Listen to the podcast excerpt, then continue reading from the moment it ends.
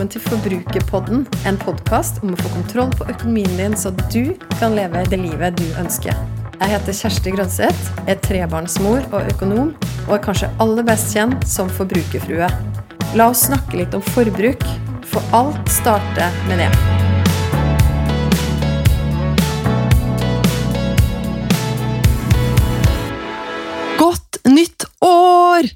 Det er fantastisk for meg å ønske deg velkommen til et helt nytt år og til en ny sesong av Forbrukerpodden, og det her har jeg gleda meg til lenge. Du, jeg håper du har hatt en fin julefeiring med dine nære og kjære, og at du er klar for et nytt år, 2021. Hallo, velkommen skal du være! Vi er klare, blanke ark og fargestifter, sier jeg bare. Og jeg er veldig klar for å by på denne sesongen her av Forbrukerpodden, fordi det er noen veldig fine gjester som er på gang. Og i dag så er jeg så heldig å få presentere to gjester. Dette er første gangen jeg har intervjua to personer i én og samme podkastepisode. Og det er ikke hvem som helst heller. Det er et par jeg har blitt kjent med, som heter Bianca og Espen Simonsen. Og det er ikke tilfeldig at jeg ville starte et nytt år med akkurat det her paret. Fordi det er få jeg kjenner som har en like inspirerende historie som det de har. De måtte tidlig i relasjonen sin jobbe med økonomien da Espen kom inn i parforholdet med 1,8 millioner i inkassogjeld og de måtte snu helt om på måten de forholdte seg til økonomi på, både de små hverdagslige valgene, men også de større avgjørelsene i livet. Og jeg har vært så heldig å få snakke med de om økonomi, livet, vaner og mye mer. Så her er det bare å tune inn og få med seg alt det som Espen og Bianca deler i denne første episoden i 2021. Jeg sitter her i studio. Det vil si jeg skulle svært gjerne ønske at jeg satt live i studio. Jeg sitter på skjerm med to helt fantastiske personer som har sagt ja til å være gjester i Forbrukerpodden i dag. Bianca og Espen Simonsen, hjertelig velkommen. Åh, tusen takk! Åh, vi er veldig, veldig glad for å være her òg. Ja, jeg har gleda meg. Jeg sto opp til morgenen da klokka seks, og du, Kjersti, var det første jeg tenkte på. Oi, er det sant? Ja, jeg har gleda meg så innmari. Så utrolig hyggelig. Det har jeg også. Og jeg blir glad av å se dere på skjerm. Jeg blir glad bare av å høre stemmene deres. Og dere er generelt Jeg vil bare starte med å si det. Um, jeg er så glad for å ha dere med, og jeg er så glad for å ha funnet dere. Uh, I sosiale medier og podkasten deres, og nå er jeg også glad for å kunne introdusere dere til mine lyttere av Forbrukerpodden. Fordi Bianca og Espen dere driver jo med litt av hvert. Altså, dere jobber sammen, dere er jo et ektepar. Jobber mm. sammen. Driver et selskap med det fantastiske navnet Gjør en forskjell AS. Ja, dere er ikke det fint navn? Det, det, er et fantastisk navn. Og så elsker jeg den derre AS, for da blir det sånn gjør en forskjell, og så gjør vi vi gjør det profesjonelt. Veldig bra. Og så har dere også en podkast, og det var egentlig der jeg oppdaga dere litt sånn for første gang, vil jeg si. For alvor. Jeg hadde hørt litt om dere, men dere har en podkast som heter Snakk om. Mm -hmm. Og det, som dere sier sjøl, det er en podkast for folk flest. Og dere løfter opp aktuelle temaer som dere mener det bør snakkes mer om i samfunnet. Mm. Og der hadde en episode som også handla om økonomi, og det var sånn vi egentlig ble kjent. Ja, det er hyggelig. Så fantastisk at, eh, at eh, akkurat den episoden kobla oss, eh, oss, sammen. Det er noe med de mulighetene som, som skjer ved åpenhet, da. Som både du driver mye med, og, og vi. Det, tenk at vi fant hverandre. Det blei jo litt sånn gjensidig, for min del iallfall. Mm. Ja. Du kan si det sånn at jeg hadde hørt den episoden eh, der du, Espen, var veldig åpen om jo nettopp et tema som kanskje er et sånt som er litt tabubelagt, noe man definitivt bør snakke mer om. Du mm. hadde snakka om gjeld, du hadde egentlig bretta ut din historie, og du også hadde delt noen veldig konkrete punkter. og Bianca, du sa du, Det hørte vi jo når vi hørte den episoden. Du var rørt på slutten av episoden. Det blei jeg òg. Altså, jeg satt på kjøkkenet mitt, hørte den episoden, og tårene trilla. Mm. Så jeg vil også bare starte med det. da, at jeg vil, jeg vil, takke dere for det dere gjør. Jeg vil takke for at det gjør en forskjell for oss eh, som eh, kommer i kontakt med dere, som hører på det dere deler gjennom kurs, foredrag, sosiale medier, podkasten. At dere byr på dere sjøl, og at dere også tar opp disse temaene. Og kan, kan, ikke dere fortelle litt om den episoden? Altså, altså, noen av de tingene som, Litt av den historien og det dere tok opp der om akkurat det med økonomi. Jo, jeg, jeg, kan starte den, kjenner jeg. Eh, det vi snakka om der, var jo um, I utgangspunktet, som du sa, jeg bretta litt sånn ut min personlige historie og, og litt økonomiske reise. da som eh, starta med en litt sånn skjødesløshet rundt økonomi. Og, og, og, jeg tror kanskje ikke jeg nevnte det i den episoden, men det starta vel egentlig da jeg eh, gikk fra å bo hjemme hos mamma og pappa til å begynne å jobbe i Forsvaret og jobba i utlandet, utenlandstjeneste. Eh, uten noen forpliktelser, men med ganske fet inntekt ganske tidlig i livet. Over ganske mange år. Eh, og, allerede der så fikk jeg jo en Eh, holdning til økonomi som var litt sånn usunn. Så da jeg på et eller annet tidspunkt plutselig skulle bo eh, i egen leilighet, ha en vanlig jobb i Norge, så skjønte jeg ikke helt hvordan, hvordan få folk dette her til å gå opp. For det, det, det funka ikke med det forbruket jeg hadde, hadde mm. lagt til meg. Da. Og så eh, skulle historien ha det dit da, at jeg ble kjæreste med en jente som etter hvert ble veldig syk. Hun fikk kreft. Eh, og hun var litt lik meg når det kom til økonomi, så, så, vår reise i fire år med kreftsykdom gjorde ikke dette her noe bedre. Eh, men det er viktig for meg å presisere at det starta liksom ikke der. Jeg skylder ikke på den kreftsykdommen, det starta lenge før det. Men det akkumulerte jo, det forsterka det, gjorde det bare verre. Så eh, da Tone, som hun het, da hun døde i en alder av 28 år, jeg var 30 år, Eh, så var, det, så var, økonomien skikkelig skikkelig skakkjørt. Og så fortsatte jeg det, dro jeg det egentlig inn i sorgprosessen min og, og fortsatte å tøyse det litt sånn til. Og da Bianca og jeg traff hverandre, da, så måtte jo på et eller annet tidspunkt den katta ut av sekken.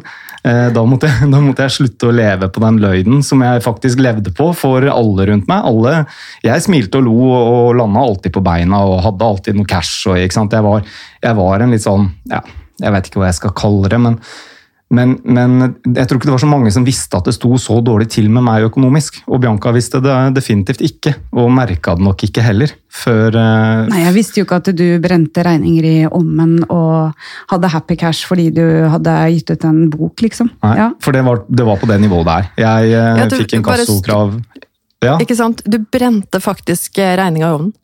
Ja, jeg, ikke sant? jeg fikk inkassokrav, og jeg visste jo at jeg, jeg vet jo hva det der er. Jeg har ikke penger til å betale det, jeg blir bare trist å åpne det, så jeg åpna det jo ikke engang. Putta det bare rett i en søppelsekk. Og når den søppelsekken ble full, så bare fyra jeg opp alle regningene i posten. Nei, i, i ommen. Og så eh, starta jeg på nytt. Så eh, ja, det, jeg er ikke så stolt av akkurat det der, men, men status da jeg endelig uh, egentlig ble tvunget til å gjøre, å gjøre opp status, så var det jo 1,8 millioner kroner i inkassogjeld. Ja. Så det var starten for eh, Bianca og meg, egentlig. Men så jeg har egentlig lyst til å skyte inn, da, for nå, når du forteller den historien relativt eh, raskt, så er det noen momenter der som, som jeg tenker er viktig. Det er jo annet at eh, de fire åra hvor du og Tone levde sammen, så var det jo viktig for dere å gripe dagene og, og gjøre de tinga som var viktig for henne. Det å eie egen bolig, annet, og kunne få lov å feire jul i eget hus. Eh, og det er klart det å være kreftsyk det gjør jo at ikke du får verken lån eller forsikring. Så det var jo en del ting der som Og reisene dere tok Jeg kjenner jo da personlig, som Espens nye kone nå og, og kjæreste på ellevte året, at det at han valgte å gi eh, henne og gi dem de beste opplevelsene og sitte igjen med såpass mye gjeld. Jeg ville heller hatt den mannen med 1,8 millioner kroner i inkassogjeld enn å ha en mann som har levd fire år med en kone som var døvende, i skikkelig sparebluss og kjiphet. da. Mm. Så det er jo mitt personlige valg her jeg står nå. Det at eh, jeg vet at Tone hadde fire fantastiske år eh, ved siden av den utfordringen med å være kreftsyk. Det gjør også det Espen hadde jo ikke vært aktuell for meg hvis ikke det var for Tone. Så den han blei i reisen med henne, er jo den mannen jeg elsker. Så ja, jeg tar heller Espen Askeladd med en, en opplevelse av eventyr og um, ja, velge kanskje feil, men riktig, da. Og Det er jo, ikke sant, det der er veldig viktige perspektiver knytta til den historien, men, men, grunnen til at jeg ofte utelater det òg, er fordi at jeg eh, på ingen måte ønsker å skylde på det. Eh, og de dårlige økonomiske valgene jeg tok lenge før jeg traff Tone, var jo katalysatoren som gjorde mm. dette, som, som, brakte meg ned i det, i det hullet da, som jeg, som jeg til slutt endte i. Mm. Men altså, jeg blir Jeg sitter her nå um, og blir veldig, veldig rørt. Altså, det er Og det, Bianca Det var litt det samme som jeg, jeg følte da jeg hørte på den podkasten der dere snakka om den historien òg.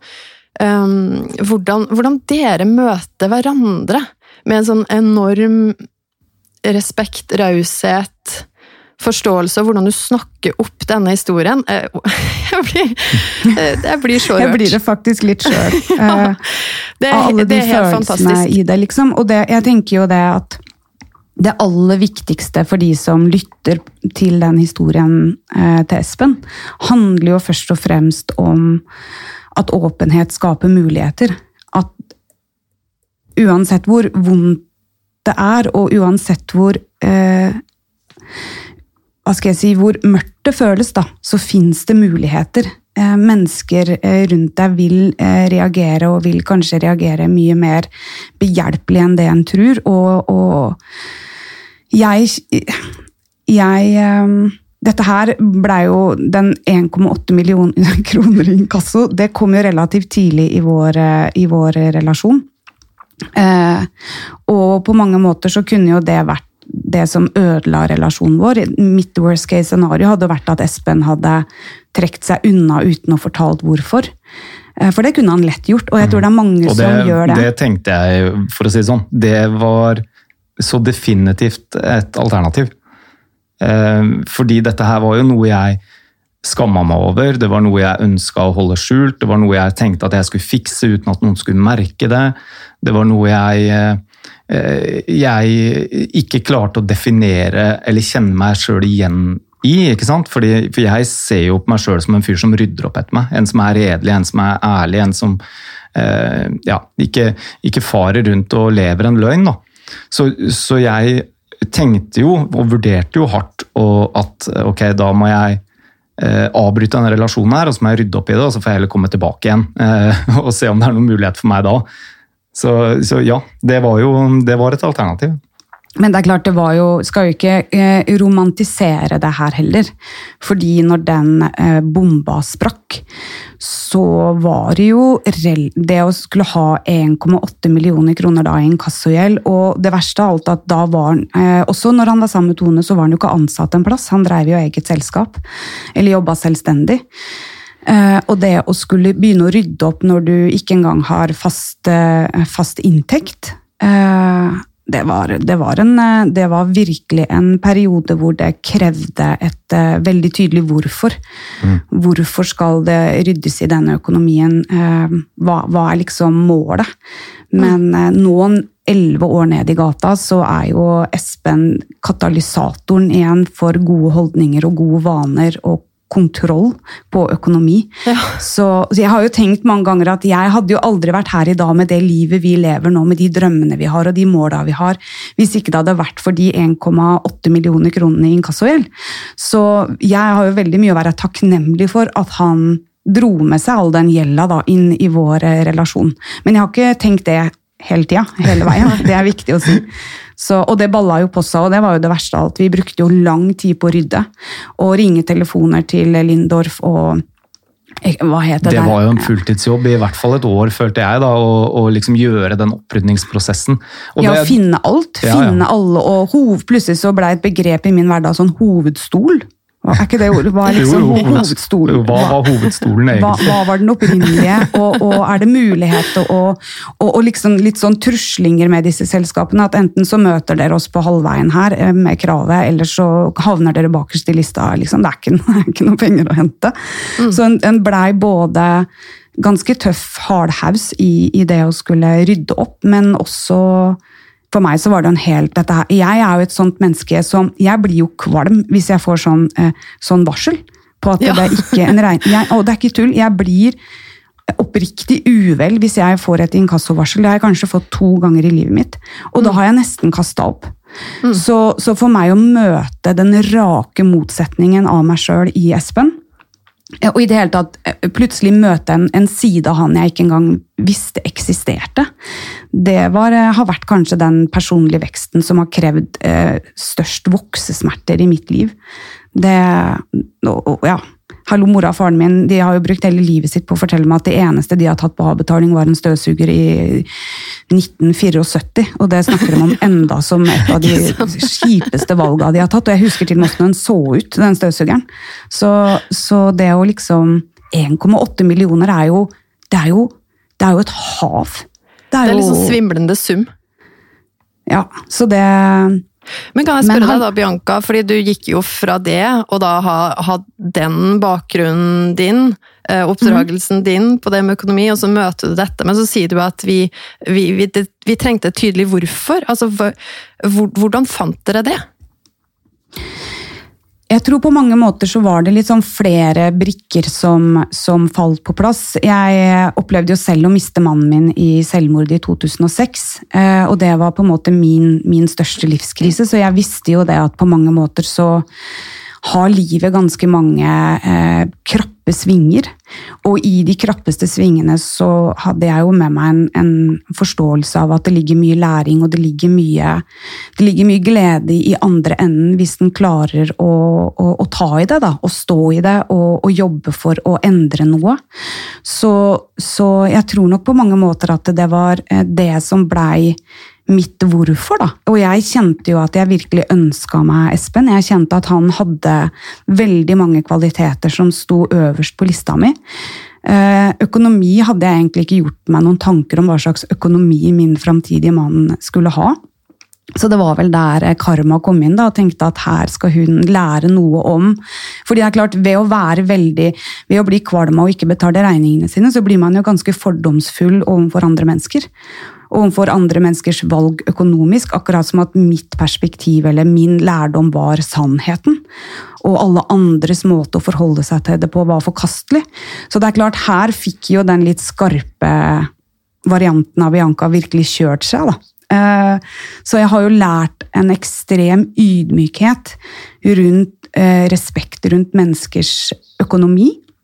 Både i det å forstå at mennesker gjør og er mye mer enn det jeg ser, og at eventuelt de fordommene jeg var bærer av, kanskje på mange måter var dørlukkere da, for sånne som Espen.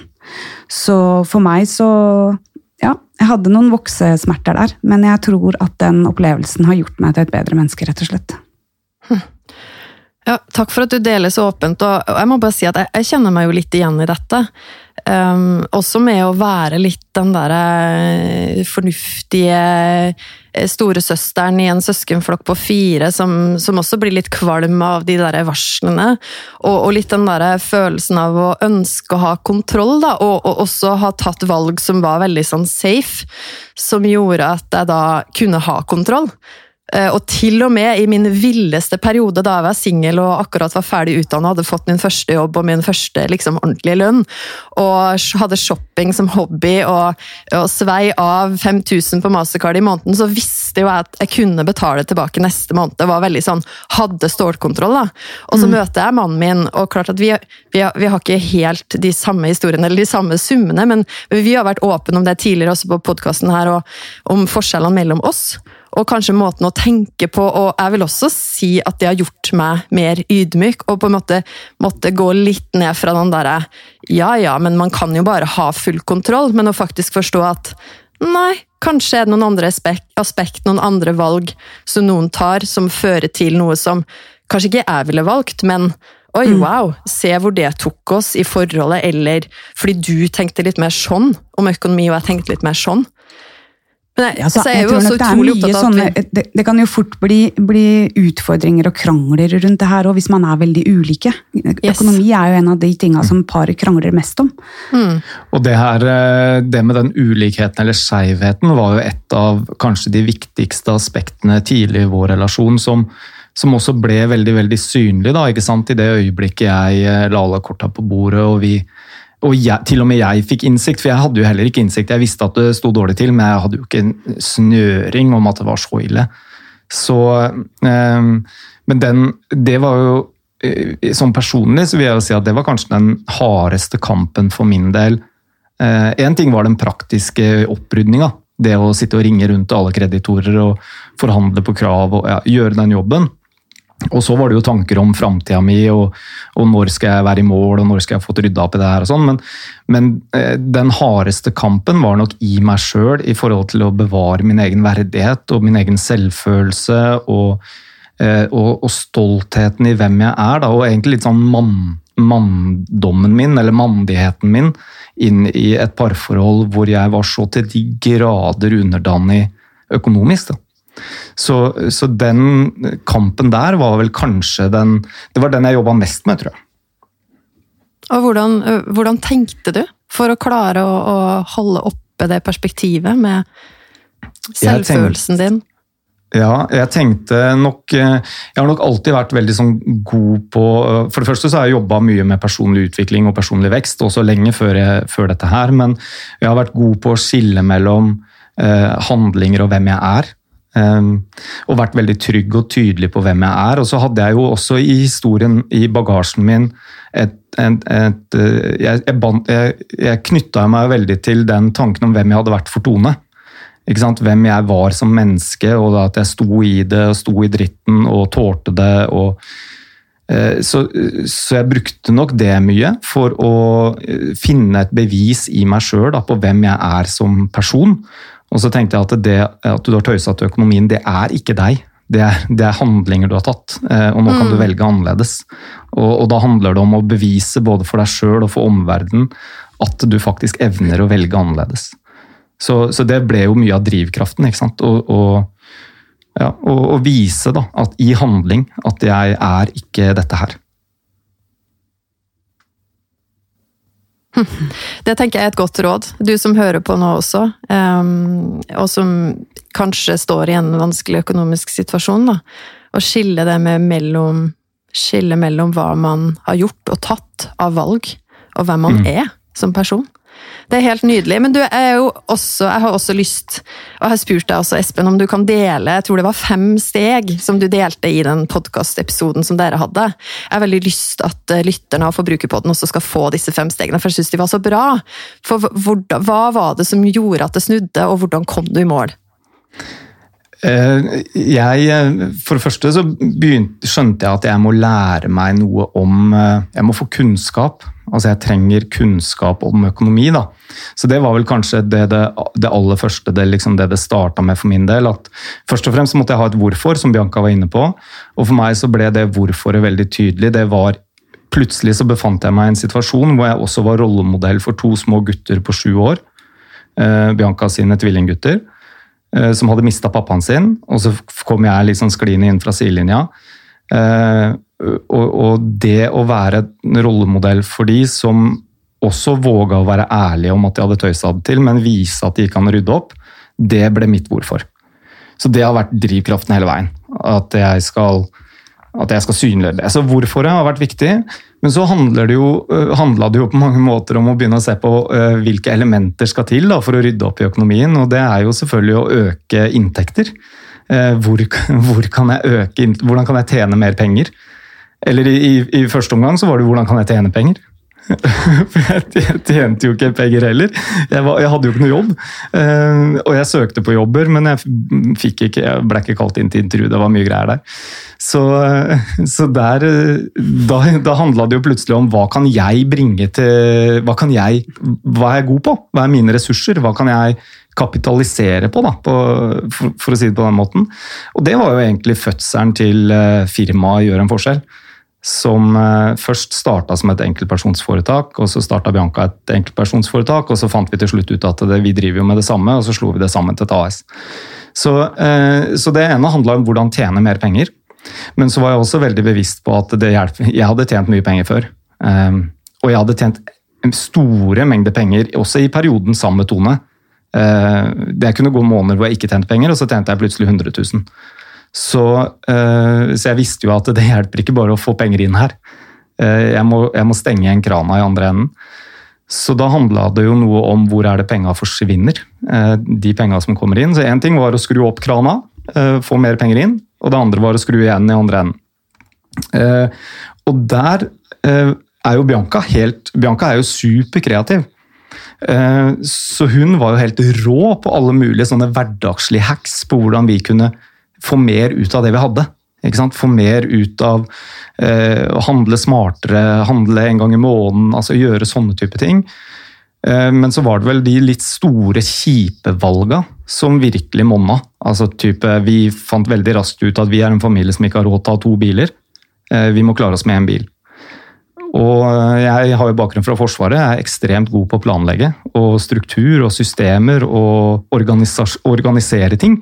Så vi ble da bare ekstra gode på å planlegge. Da. Vi hadde én bil, vi, hadde, vi, var fire stykker. Eh, to gutter som skulle hit og dit på fotballtreninger, og to, to, stykker i samme firma som skulle jobbe rundt på foredrag og kurs rundt i hele Norge. Så da ble vi veldig gode på å planlegge. Eh, men det handla egentlig om de der store, eh, fundamentale valga. Og så var det viktig for meg at jeg ikke skulle Jeg måtte legge en plan som var levelig fordi jeg visste at det her er ikke gjort uh, på et år eller to eller tre. Her, eller fire. Eller, fire, eller fire eller fem. Det her er, et, det er, et, det er, det her er maraton, liksom. Eller ekstremsport. Så jeg må legge en plan som eh, jeg opplever at jeg kan leve underveis. Og det ble kjempeviktig. Så jeg måtte liksom eh, posisjonere disse midlene jeg klarte å få inn, da, på en måte som gjorde at jeg også følte at jeg kunne leve, at jeg følte at jeg bidro. Eh, i husholdninga, at at jeg var med. da. Eh, og, og, da heller akseptere at ok, da kommer det til å ta lengre tid, men jeg trenger det for å stå i det. Og så eh, handla det noe om at jeg måtte eh, innta et mindset om også å spare. Altså Jeg måtte tenke investeringer, jeg måtte tenke sparing. Jeg måtte tenke både nedbetaling, men sparing parallelt. For det hjelper ikke bare å, å, sitte igjen med mer penger. Da må også være veldig sånn, tydelig og bevisst på hvor er det de pengene Hva skal du med det mellomlegget der? Hva skal du med de pengene? Og hva er smarteste strategi? Altså på å nedbetale dyr gjeld og spare, ikke bare ha penger på sparekonto, men sette det i fond eller gjøre andre ting da, for å se at disse pengene faktisk begynner å jobbe for deg. Ja, altså det der med buffer. Jeg husker jo det første året hvor, hvor, du virkelig, eller vi, rydda opp. Og så kom det plutselig en faktura i posten på 250 000 kroner og en betalingsfrist på ti dager. Som var noe moms eller noe sånt. Noe. Moms og skatt, det var ikke jeg så god på, nemlig ja. når jeg drev enkeltpersonsforetak. Og, og, og, liksom hvordan i all, og da hadde vi jo rydda. Ikke sant? Alle pengene var jo sortert. Ti kroner til det, fire kroner til Det var jo på det nivået der. Eh, og så datt det da ned den der fakturaen på, på, 250 000. Så det der med buffer lærte vi jo, og det skjedde jo faktisk to år på rad. Mm. Så når det skjedde året etter også, så holdt jeg på å klikke i vinkel og, og angripen. Fordi at det 500 000 kroner på to år er jo liksom er, Ja. Så vi lærte jo veldig raskt at det, det, som Espen snakker om med sparing, men også det her med buffer. Det å virkelig ta buffer på alvor, det er jo det som har gitt meg eh, eh, god nattesøvn, da. Ja, så er jo det utfordringa når, når, du virkelig stopper opp og gjør en endring, en holdningsendring og gjør nye valg da, i forhold til økonomi. Hvis du har skusla og tøysa bort økonomien så lenge som det hadde gjort, så er det jo et etterslep. Ikke sant? Sånn som moms og skatt, f.eks. Eh, der, jeg fikk jo en smell året etter og året etter der igjen for, for tidligere valg. Så, så, det å også være forberedt på det, da, at det kommer, det kommer, du kommer til å få flere på trynet her ja, det, men det er jeg egentlig glad ikke vi var forberedt på. For at det år nummer to så følte jeg og, og det er vel kanskje Egentlig så er det et litt sånn bilde på livet, tror jeg generelt. Det der å klare å evne å trives i usikkerhet. Fordi at de mest forunderlige tinga vil treffe. Og det da å være et godt team, enten i parrelasjonen sin, eller i familien, eller i en vennerelasjon, da, hvor man kanskje løfter opp økonomi som et tema, som en eh, kanskje liksom holde hverandre litt ansvarlig for. Da. Det tror jeg er kjempeviktig. Det å ikke tenke at økonomi nødvendigvis er noe jeg skal fikse og forstå helt alene. Og der er jo du, Kjersti, helt genial med den podkasten som du har, som blir den teampartneren til mennesker som ikke har noen. Den som ansvarliggjør, den som støtter, den som heier. Det er jo, det er jo gaven ved en sånn podkast. Ja, og ikke Så, minst en, en kjempearena for å søke kunnskap, da, som jeg var inne på. At jeg trengte sånne, jeg trengte sånne podkaster som din. Jeg trengte, eh, for jeg kunne ikke dykke, dypdykke ned i en bok om økonomi, for da skjønte jeg ikke en dritt. Så jeg måtte få det inn på en spiselig, liksom folkelig måte. Mm. Og så er det jo ekstremt mye penger å tjene. Jeg syns jo etter hvert det begynte å bli gøy. Sånn som nå så er vi jo fire mennesker i den husholdningen her med en bil. Og det er fire mennesker med lappen. Eh, gutta fikk lappen eh, i, i, sommer, og vi har fortsatt bare én bil. Og det funker eh, som bare det. Så det er klart, vi har jo på mange måter lært å leve veldig godt med færre, færre ting, og med de måtene som vi føler at vi liksom kan få mer ut av det vi har. I fjor så var det liksom eh, sloganet, da, eller logoen, underskriften for det året, var 'hvordan kan vi få mer ut av det vi allerede har'? Og for meg så var det jo ned til kan, hvis, jeg, hvis, jeg, bruker halvparten så mye sjampo, eh, får jeg fortsatt rent hår? Og det skjønte jeg jo. Jeg skjønte jo at jeg hadde en sånn iboende måte å, å ta litt ekstra, fordi at ekstra liksom skal gi mer, men ekstra Zalo, ekstra vaskepulver, ekstra sjampo, ekstra alt gir jo ikke bedre resultat. Det gir jo til og med et dårligere resultat. Så det er jo når Zalo sier 'en dråpe er nok', da er det ikke en sprut. Så, da mener så, de det faktisk. ja, sånn at det, det, å faktisk liksom se på alle de områdene, da, hvor, eh, hvor det er muligheter å tjene uten å lide, der fant jeg utrolig mange arenaer. Og det, av en eller annen grunn så, så, blir jeg glad av sånt. da. Det å ha gjort liksom en, en, en, en deal, enten med meg sjøl eller det Ja. ja det, begynte jo etter hvert å gå litt sånn sport i det der. Altså hvor kan vi kutte? Og, og eh, du, du, spurte om de fem liksom, eh, tipsa som jeg løfta opp, og jeg babla jo egentlig bare vei, men for å være litt sånn konkret, da, så handla det jo om å spare, eller å, å spare mer eh, og tjene mer. Og sørge for at jeg kutta alle mulige sånne tøysekostnader. Alt av abonnementer. Det å stille seg spørsmålet hva jeg kan si nei til, hva jeg må velge bort. Eh, hva jeg ikke kan, hvilken luksus er det jeg liksom ikke kan ha? Men samtidig også ha med en tanke om at jeg, jeg må leve underveis her. Og så var det de pengene som jeg da ble sittende igjen med, hvordan kan jeg forvalte de på best mulig måte. Men det absolutt største, det som hadde størst innvirkning, var endre livsstil.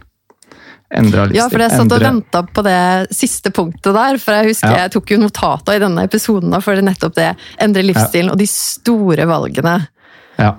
Endre livsstil var Det er jo virkelig der du kan uh, gjøre Eh, store omveltninger på kort tid. Da, ikke sant? At eh, ok, Kanskje har vi ikke råd til å bo i det huset vi bor i. Kanskje har jeg ikke råd til å, å farte fram og tilbake til Oslo hver dag for å jobbe. Det var faktisk en veldig viktig greie for meg. Jeg fant ut at jeg må finne en måte å jobbe på som gjør at jeg ikke trenger å pendle. For det har jeg ikke råd til. Jeg må kunne jobbe. Jeg kan ikke bruke så mye penger på å reise. Eh, jeg må holde meg mer i ro. Og så, ja, nei, så Det var mange sånne valg som det som Eh, gjorde store innhogg, men som eh, i det øyeblikket jeg så hvor verdifulle de var, så var det lett å ta de. Men mm. eh, det, det, første vi jo faktisk gjorde, Espen, eh, bortsett fra liksom å rydde i alle regningene og få oversikt, var jo at vi lagde budsjetter. Ja, Rutiner og budsjetter. Hvor vi førte inn eh, purre, liksom. Eh, for å få først liksom oversikt over hva koster familien AS. og hvordan kan vi for det var den oversikten som skulle til for å virkelig kunne ta et, et ansvarlig perspektiv inn økonomisk. Da. I mm. dag så er det jo veldig mye enklere å, å rydde, vil jeg tro, fordi at du får jo varsler når ting blir trukket fra kortet ditt. Eh, sånn som hvis du har Netflix og, og du har masse sånne TV-alternativer, så vi måtte jo bare ha ett. Og ikke minst alle de trekka som, som, som vi ikke helt visste engang hva var. Mm. Uh, ting du hadde liksom blitt medlem av for lenge siden, som bare var trekk som bare forsvant. Så vi, uh, vi, det var det der å faktisk sette seg ned uh, og se hva er, vi, hva er, det dette her koster. og vi Jeg tror nok vi hadde vært villige eller den reisen vi har hatt, har vel gjort at vi, hvis vi må flytte i ei koie ute i skauen, så kommer vi til å fikse det fint. Vi har eh, beredskap og planer og tanker og muligheter for hvordan, eh, hvordan det kan eh, foregå. Da. Så vi er veldig godt forberedt nå. Ja.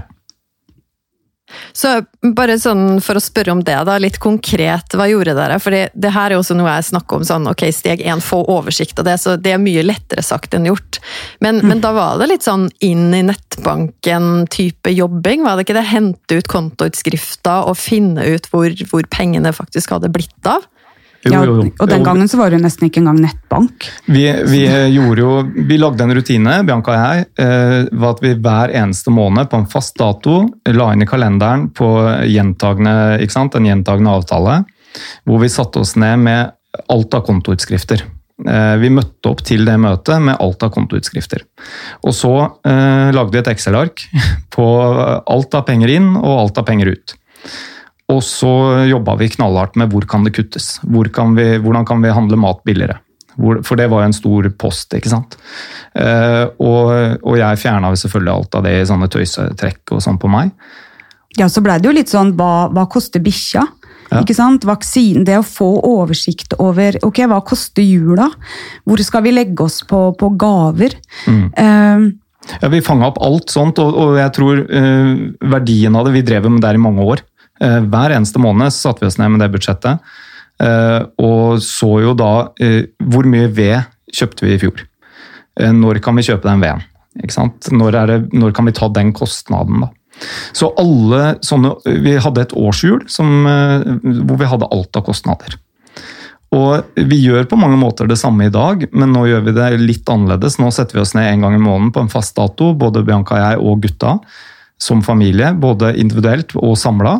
Og så ser vi på hva er nettoverdien vår. Hva har vi av penger, hva skylder vi av penger. Og hvordan er det, det ene tallet, da, det nettoverditallet, mitt nettoverditall, eh, er det i vekst, eller synker det? Og den bevisstheten gjør at i hvert fall jeg tar ekstremt mye bedre valg i hverdagen. Det å ha det med seg i bevisstheten, og det å vite at den 15. hver måned så skal vi sette oss ned og kalkulere vårt nettoverditall. Og det går jo litt sport i det i, i familien her, å se hvordan er den prosentvise økninga her.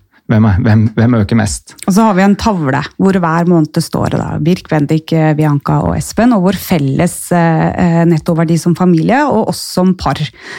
Så det er rett og slett for å både lære gutta Nå er de eh, vokst inn i denne økonomiske holdninga på mange måter. Så, så, de har jo fått noen grunnleggende Et forhold til økonomi, da. Men eh, en, eh, den 15. er en litt sånn kul dag. Jeg er faktisk, eh, Nå har vi drevet med den nettoverdi i ett år. Jeg er den eneste i familien som en måned har hatt et rødt tall. Og det var fordi at jeg investerte i å få malt huset. Så jeg angra jo litt på det, sånn sett. Men så den eneste røde pila på hele det årsarket, den, det er min måned for husmaling. husmåling. Vet du hva, Bianca og Espen, det her er utrolig inspirerende. Og det er litt sånn der, altså, det er nærmest så jeg tar notat av dette, ikke sant? men jeg, jeg, jeg, føler på mange måter at men det her er jo det jeg snakker om, det her, og det jeg prøver å formidle, så det er det i praksis. Det er bare helt mm. utrolig kult og så inspirerende, og jeg er sikker på at dere som hører på òg, nå vet dere at ja, Eh, for det første, altså hvis, hvis, du som hører på har kommet i en vanskelig økonomisk situasjon med høy gjeld, det kommer til å koste blod, svette og tårer. Um, og jeg, jeg, er så glad, eh, Bianca og Espen, også for at dere, dere prøver ikke å, uh, å male dette noe rosenrødt på noe som helst måte, men dere snakker om at det har jo også vært tøft. Men det finnes en vei ut, men det krever også knallhard jobbing, bevissthet, tankesett aktive valg og få ting inn i kalenderen for å sette seg ned og gjøre jobben. Og det er så vanvittig inspirerende.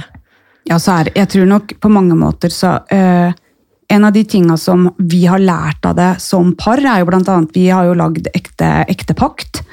Vi har skrevet testamentet. Eh, gutta har skrevet testamentet. Det å faktisk ta Egentlig de samtalene man oftest ikke har, er jo de viktigste samtalene. Hvordan er det vi faktisk gjør det dokumentmessig også i parforholdet vårt? da? Mm. Og der har jo virkelig kvinner en vei å gå i det å ha innsikt i hva skjer hvis eh, partneren min dør, hvis partneren min blir ufør, hvis eh, partneren min går fra meg. Og Nå sier jeg ikke at ikke dette er like viktig for menn, men sånn, eh, vi kvinner eier jo mindre enn menn generelt i samfunnet. Så det å, å virkelig også ta tak i de papirene som vi har, da, ikke sant? pensjonsforsikring, gjeldsforsikring, alle de papirene som kan virkelig sånn kvalmende å skulle begynne å ta i, har jo vært en, en virkelig en viktig element også for oss å lære gutta. Da. Det der å bare sørge for at eh, Birk og Bendik nå har har eh, eh, alvorlig sykdomsforsikring. Og det å få den tidlig, sånn at du faktisk er frisk som unge før du, før du liksom blir 30 år og skal skaffe deg det, og du har allerede det slerk i ledda og, og gnisning i, i tannhalsene, liksom. Det å sørge for å være i forkant, da. Det er så mange små, viktige ting som vi kan gjøre når vi har overskuddet, både mentalt og um, får informasjon om det. Da. Så vi har jo lært så mye òg underveis i det å nå kunne være i forkant på vegne av gutta. Der hvor vi sjøl kom skliende inn litt, som Espen uh, pleier å si, da, fra sidelinja. Mm.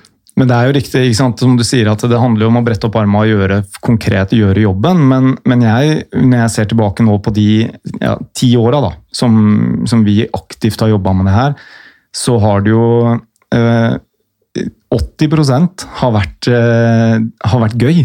Du, da jeg først lærte meg om økonomi, da jeg så eh, hvordan dette her utvikla seg så Det betydde ikke at jeg, var, at jeg, var, ferdig, at jeg var i mål, men det var gøy. da. Det var en morsom reise, fordi jeg så at jeg, jeg fiksa det, jeg mestra det.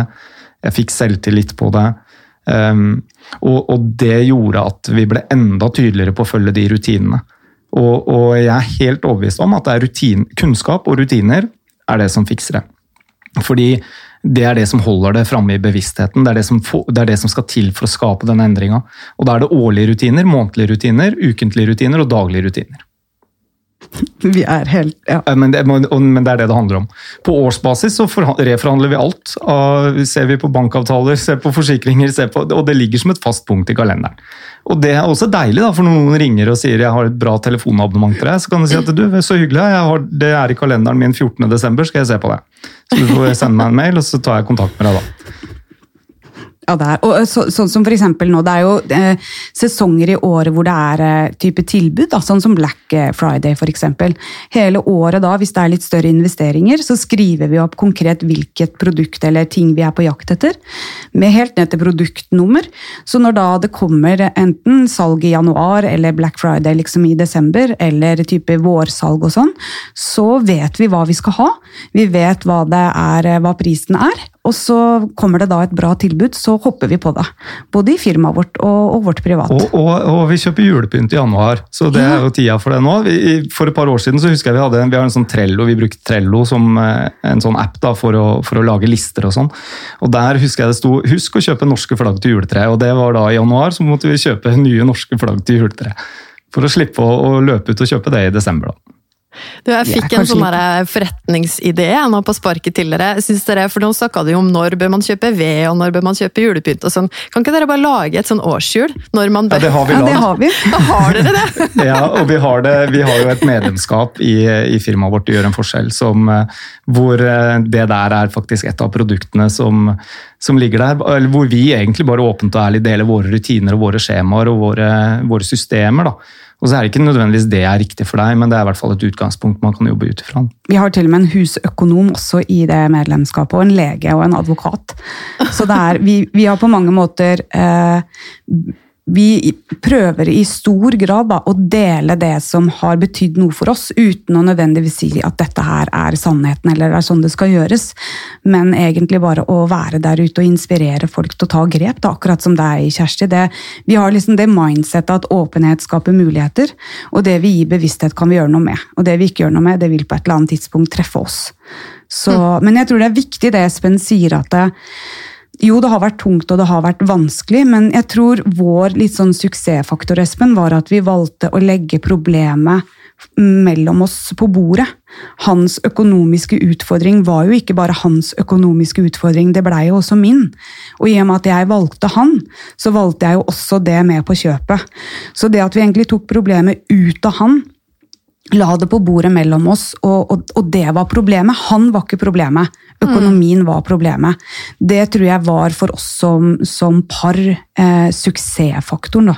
Og vi har jo hatt 3500 par på kurs, og det er kanskje det viktigste vi har med oss inn der, er uavhengig i parrelasjonen din hva slags trøbbel du har eller partneren din har, så er det en felles utfordring. Og den sitter ikke i en av oss, den må, være, den må være foran oss begge to. Hvor vi begge to har 100 eieransvar i, i utfordringen. da. Mm, så sånn, akkurat sånn gjør vi det med alle problemene til Bianca òg. Nå vi bare, prater vi bare om meg og min eh, dårlige økonomi her, men alle de tinga som, eh, som, eh, ikke er bra med Bianca, det har vi lagt på bordet foran oss. Det eier vi sammen. Ja, det ble ikke mye. Det, ble, det ble bare en bitte liten ting. Det er en egen på, det er Jeg mange podkaster. er jo så lett og deilig å leve med. Espen pleier, Espen pleier å si at han har 100 koner. Han kan liksom se på meg, og så smiler jeg, og så snur han seg for å fylle kaffekoppen, og han snur seg tilbake, så har det skjedd noe han ikke har fått med seg. Men det svinger jo så fort. Det er ja. ups and downs. Er ikke det, det deilig, da? Jo, det, nå har jeg vent meg til det. nå er, er jo, det spriter opp hverdagen litt. Jeg er jo litt som et representativ for livet. Ja. Det vil svinge. Mm. Jeg er veldig sånn stabil og fin, da. Jeg tror du skulle tatt deg en prat med min mann, Espen. Jeg tror han kan kjenne seg igjen i noe av dette. Ja, ikke sant? Jeg tror menn generelt kan kjenne seg igjen i det. Du tror den generelle? Ja, jeg tror ja, ja. en generell. Jeg tenker det er heldig. Du, vet du hva? Det er så Jeg blir så glad og inspirert av å høre på dere, og takk igjen for at dere deler så åpent. Altså, vi, skal, vi, skal, straks gå inn for landing da, denne episoden her, selv om vi kunne snakka i timevis. Men jeg, jeg vet at dere har noen, eh, noen visjoner og, og, noen gøye drømmer på gang. Eh, kan, oh, kan ikke dere liksom eh, dra kortversjonen av det. Hva, hva, kommer til å skje framover nå i Bianca og Espen sitt liv, nå i 2021 og, og framover? Eh, skal du ta den, skal jeg ta den? Jeg tar den. Ok. Ja. Vi, eh, det som skjer, Kortversjonen er at vi, eh, vi, har jo to gutter som nå er voksne og på vei ut. De, de reiser snart til Forsvaret. Så det vi har kommet fram til, er at vi skal ikke da sitte med dette svære huset som vi bor i nå. Vi skal selge det, kjøpe en liten leilighet, og så skal vi investere i en båt et eller annet sted i verden. Og så skal vi jobbe halve året fra den båten et eller annet sted i verden. hvor er, Visjonen vår er egentlig å være mer barbeint. Så ja, vi skal ut i verden. Og så når vi er hjemme i Norge, så har vi en liten eh, lettstelt eh, leilighet som, eh, som er tilholdssted. da. Og det som er kult, dette her har vi jo jobba for i åtte år. Så, så, det er klart, den, den eh, bufferen, disse spareplanene, det å, å, å hele tida være litt sånn på jakt etter eh, gode avtaler og gode dealer, og ikke minst kvalitet. Vi har aldri gått på kompromiss med kvalitet. Det har vært viktig for oss. Eh, og kvalitet og egentlig lojalitet. Men det er jo litt sånn, Espen, at vi, vi har jo gjort noen ganske store grep. Vi valgte jo å beholde det huset fordi at ungene har, dette er barndomshjemmet til gutta. Så det har vært veldig sånn naturlig for oss at når de flytter ut, så, så flytter vi ut sammen, alle, alle, fire. Da lukker vi det kapittelet her, og vi er jo to små folk, trenger jo ikke det store huset. Vi trenger ikke overskap på kjøkkenet engang, og der, der, sparer vi ganske mye penger. for vi rekker ikke opp til de I den nye leilighetene, for det sa det trenger vi ikke. Det, det får ikke vi, kan, det, og vi skal jo ikke ha ting vi ikke engang eh, bruker. Så, så vi har... Så det er et tips i seg sjøl. Hvis du er liten og ikke rekker opp til overskapet, så kan du velge kjøkken uten, og da, ganske, da blir kjøkkenet ganske mye billigere. Jeg tror det var 37 000. Ja, vi var jo så glad for at vi var små. Så, så, men, men ja. en, en, leveregel for oss, eller et mantra for oss gjennom disse åra og, og, i åra som kommer, er at vi skal eie mindre og leve mer. Mm. Eie mindre, mm. leve mer. Og det er liksom ned til, ned til detalj. Nå når covid har herja litt i, i, verden, så har vi solgt ekstremt mye på Finn. Eh, virkelig nå i fire år har vi egentlig rydda. Vi har helt tomt loft, vi har helt tom, eh, tom kjeller. Alle skuffer og skap er klina, og, og, vi har liksom virkelig forberedt oss på å skulle flytte inn i denne. Og den leiligheten er kjøpt, så i eh, sommer så selges huset. Det er derfor det er malt. og liksom tatt vare vare på noe underveis, med planer hva som skal skje gjennom året før vi selger. Så det her har jo vært et mål og en drivkraft da, for å kunne stå i de kjipe dagene hvor, hvor vi har bare hatt én eh, bil, og vi har til og med hatt en elbil, fordi vi hadde ikke økonomi til å ha en bensinbil. Eh, og det har jo vært fint å ha elbil nå, både for miljøets skyld, men også rent økonomisk. Så, så, når det liksom har virkelig sugd, for det gjør det noen ganger, det er tøft, da er det noe med å ha et mål om å, å leve mer barbeint og være mer intensjonal med hva vi, vi, bruker pengene på. Og det er jo kjempeviktig da også, det å, å tenke gjennom at eller et perspektiv vi også har gitt gutta, at der du putter pengene i dag, det er framtidens bedrifter. Eh, og den makta vi har som forbrukere, er jo kjempeviktig nå å, å bruke bevisst på at vi liksom skaper en verden som, eh, som blir god for de gode folka. Så er det små butikker som eh, er betydningsfulle for deg, så må du velge å bruke de, ellers så blir de borte. Så ja, da, da, er det nesten bedre å betale litt mer i de butikkene. Da er det godt å kunne betale litt mer der, faktisk. Var det kortversjonen, Bianca? Det ja. vi tok der? Ja, ja, det er mulig, det. Ja. vi, vi, har, vi, har, noen drømmer, vi har noen planer. Ja, altså. Og de er veldig konkrete, vil jeg si. Eh, ja, så vi, jo, vi er jo så heldige å gjøre en forskjell AS. Det er jo at det er et firma som du ikke skal trenge å ha ferie fra. Eh, så det er jo et litt sånn bedriftsmål, at det skal være eh, rom for å leve godt. Og ha passion og ha mot og ha kraft til å, å være i et selskap. Og det, vi kommer til å ekspandere i de neste åra. Planer om å ikke bare være oss lenger, og vi har flere selskaper. Hvor vi ønsker å kunne være en plattform for andre mennesker som har det samme mindsettet. Eh, så, og så er vi jo ferdig skremt, så hvis alt går på dass, så starter vi bare på nytt. Det er jo fordelen med å, å, virkelig ha gått skikkelig på trynet. Det er at når du har følt at du har mestra det, så kan du mestre det igjen og igjen og igjen. Og vi har håp og mot og verktøy til alle som, som står i dritten, hvis de, hvis de ønsker seg det. Så ja. Det er helt nydelig. Det er helt nydelig, og jeg vil igjen takke dere. Og eh, jeg vil anbefale alle også å koble seg på dere, fordi at det vil garantert eh, gi deg som hører på nå, eh, en, en bedre hverdag ved å følge Bianca og Espen. Og jeg gleder meg til å følge med på det dere skal finne på framover, og til å høre mer fra dere. Også, ja, det kan du. Vi, vi, vi, har nemlig tenkt å dele den reisa ganske ja, ja. Vi, vi kommer til å synliggjøre den. Ja, vi har etablert et liksom brand, High Five Couple. Vi driver alltid og gir eh, high five når vi eh, gjør bra valg eller er ferdig på et foredrag eller et kurs. Eller. Så nå har vi egentlig branda oss om til High Five Couple, som handler om viktigheten både personlig, men i parforhold og i team, og å feire alt det en faktisk får til. Mm. Alle de små oppturene som egentlig hver dag består av, som vi så lett glemmer når vi hele tida strekker oss mot et mål. da. Så, og det sa vel du i stad, egentlig, Espen, den viktigheten av å leve så godt vi kan underveis mens den rydder opp i gjeld, eller underveis mens den kanskje sliter eller må begynne på nytt, eller Så er det noe med å, å spe på med glede underveis, og takknemlighet og, og, det å ha med seg hva en får til. Det gir jo en trygghet til å være litt modig i valg framover.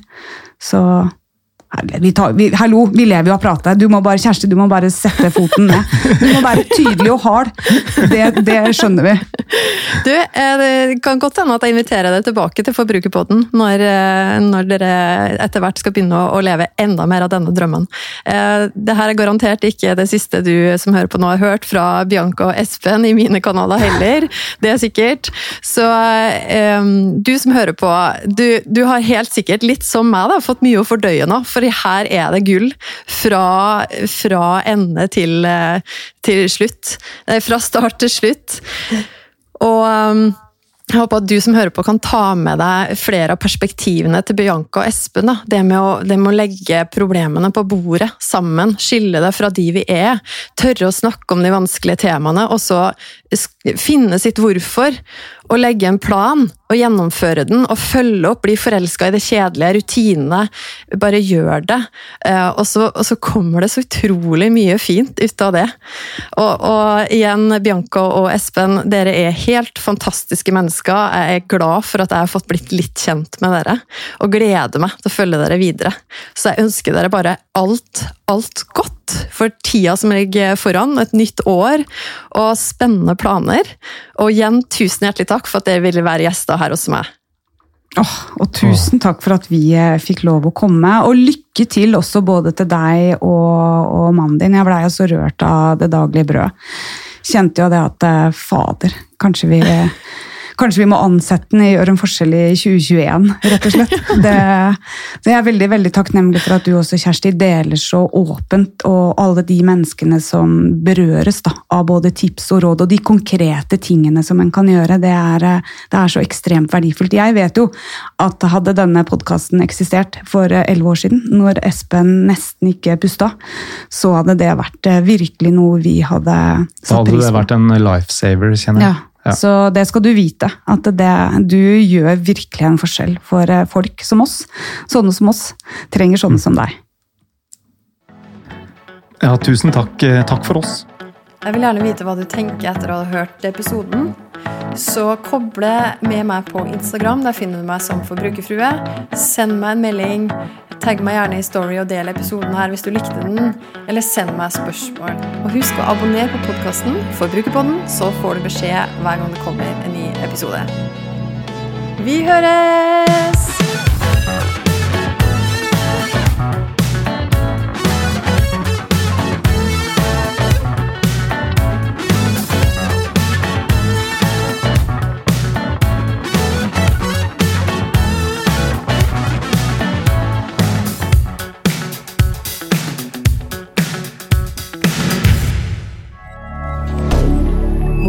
media.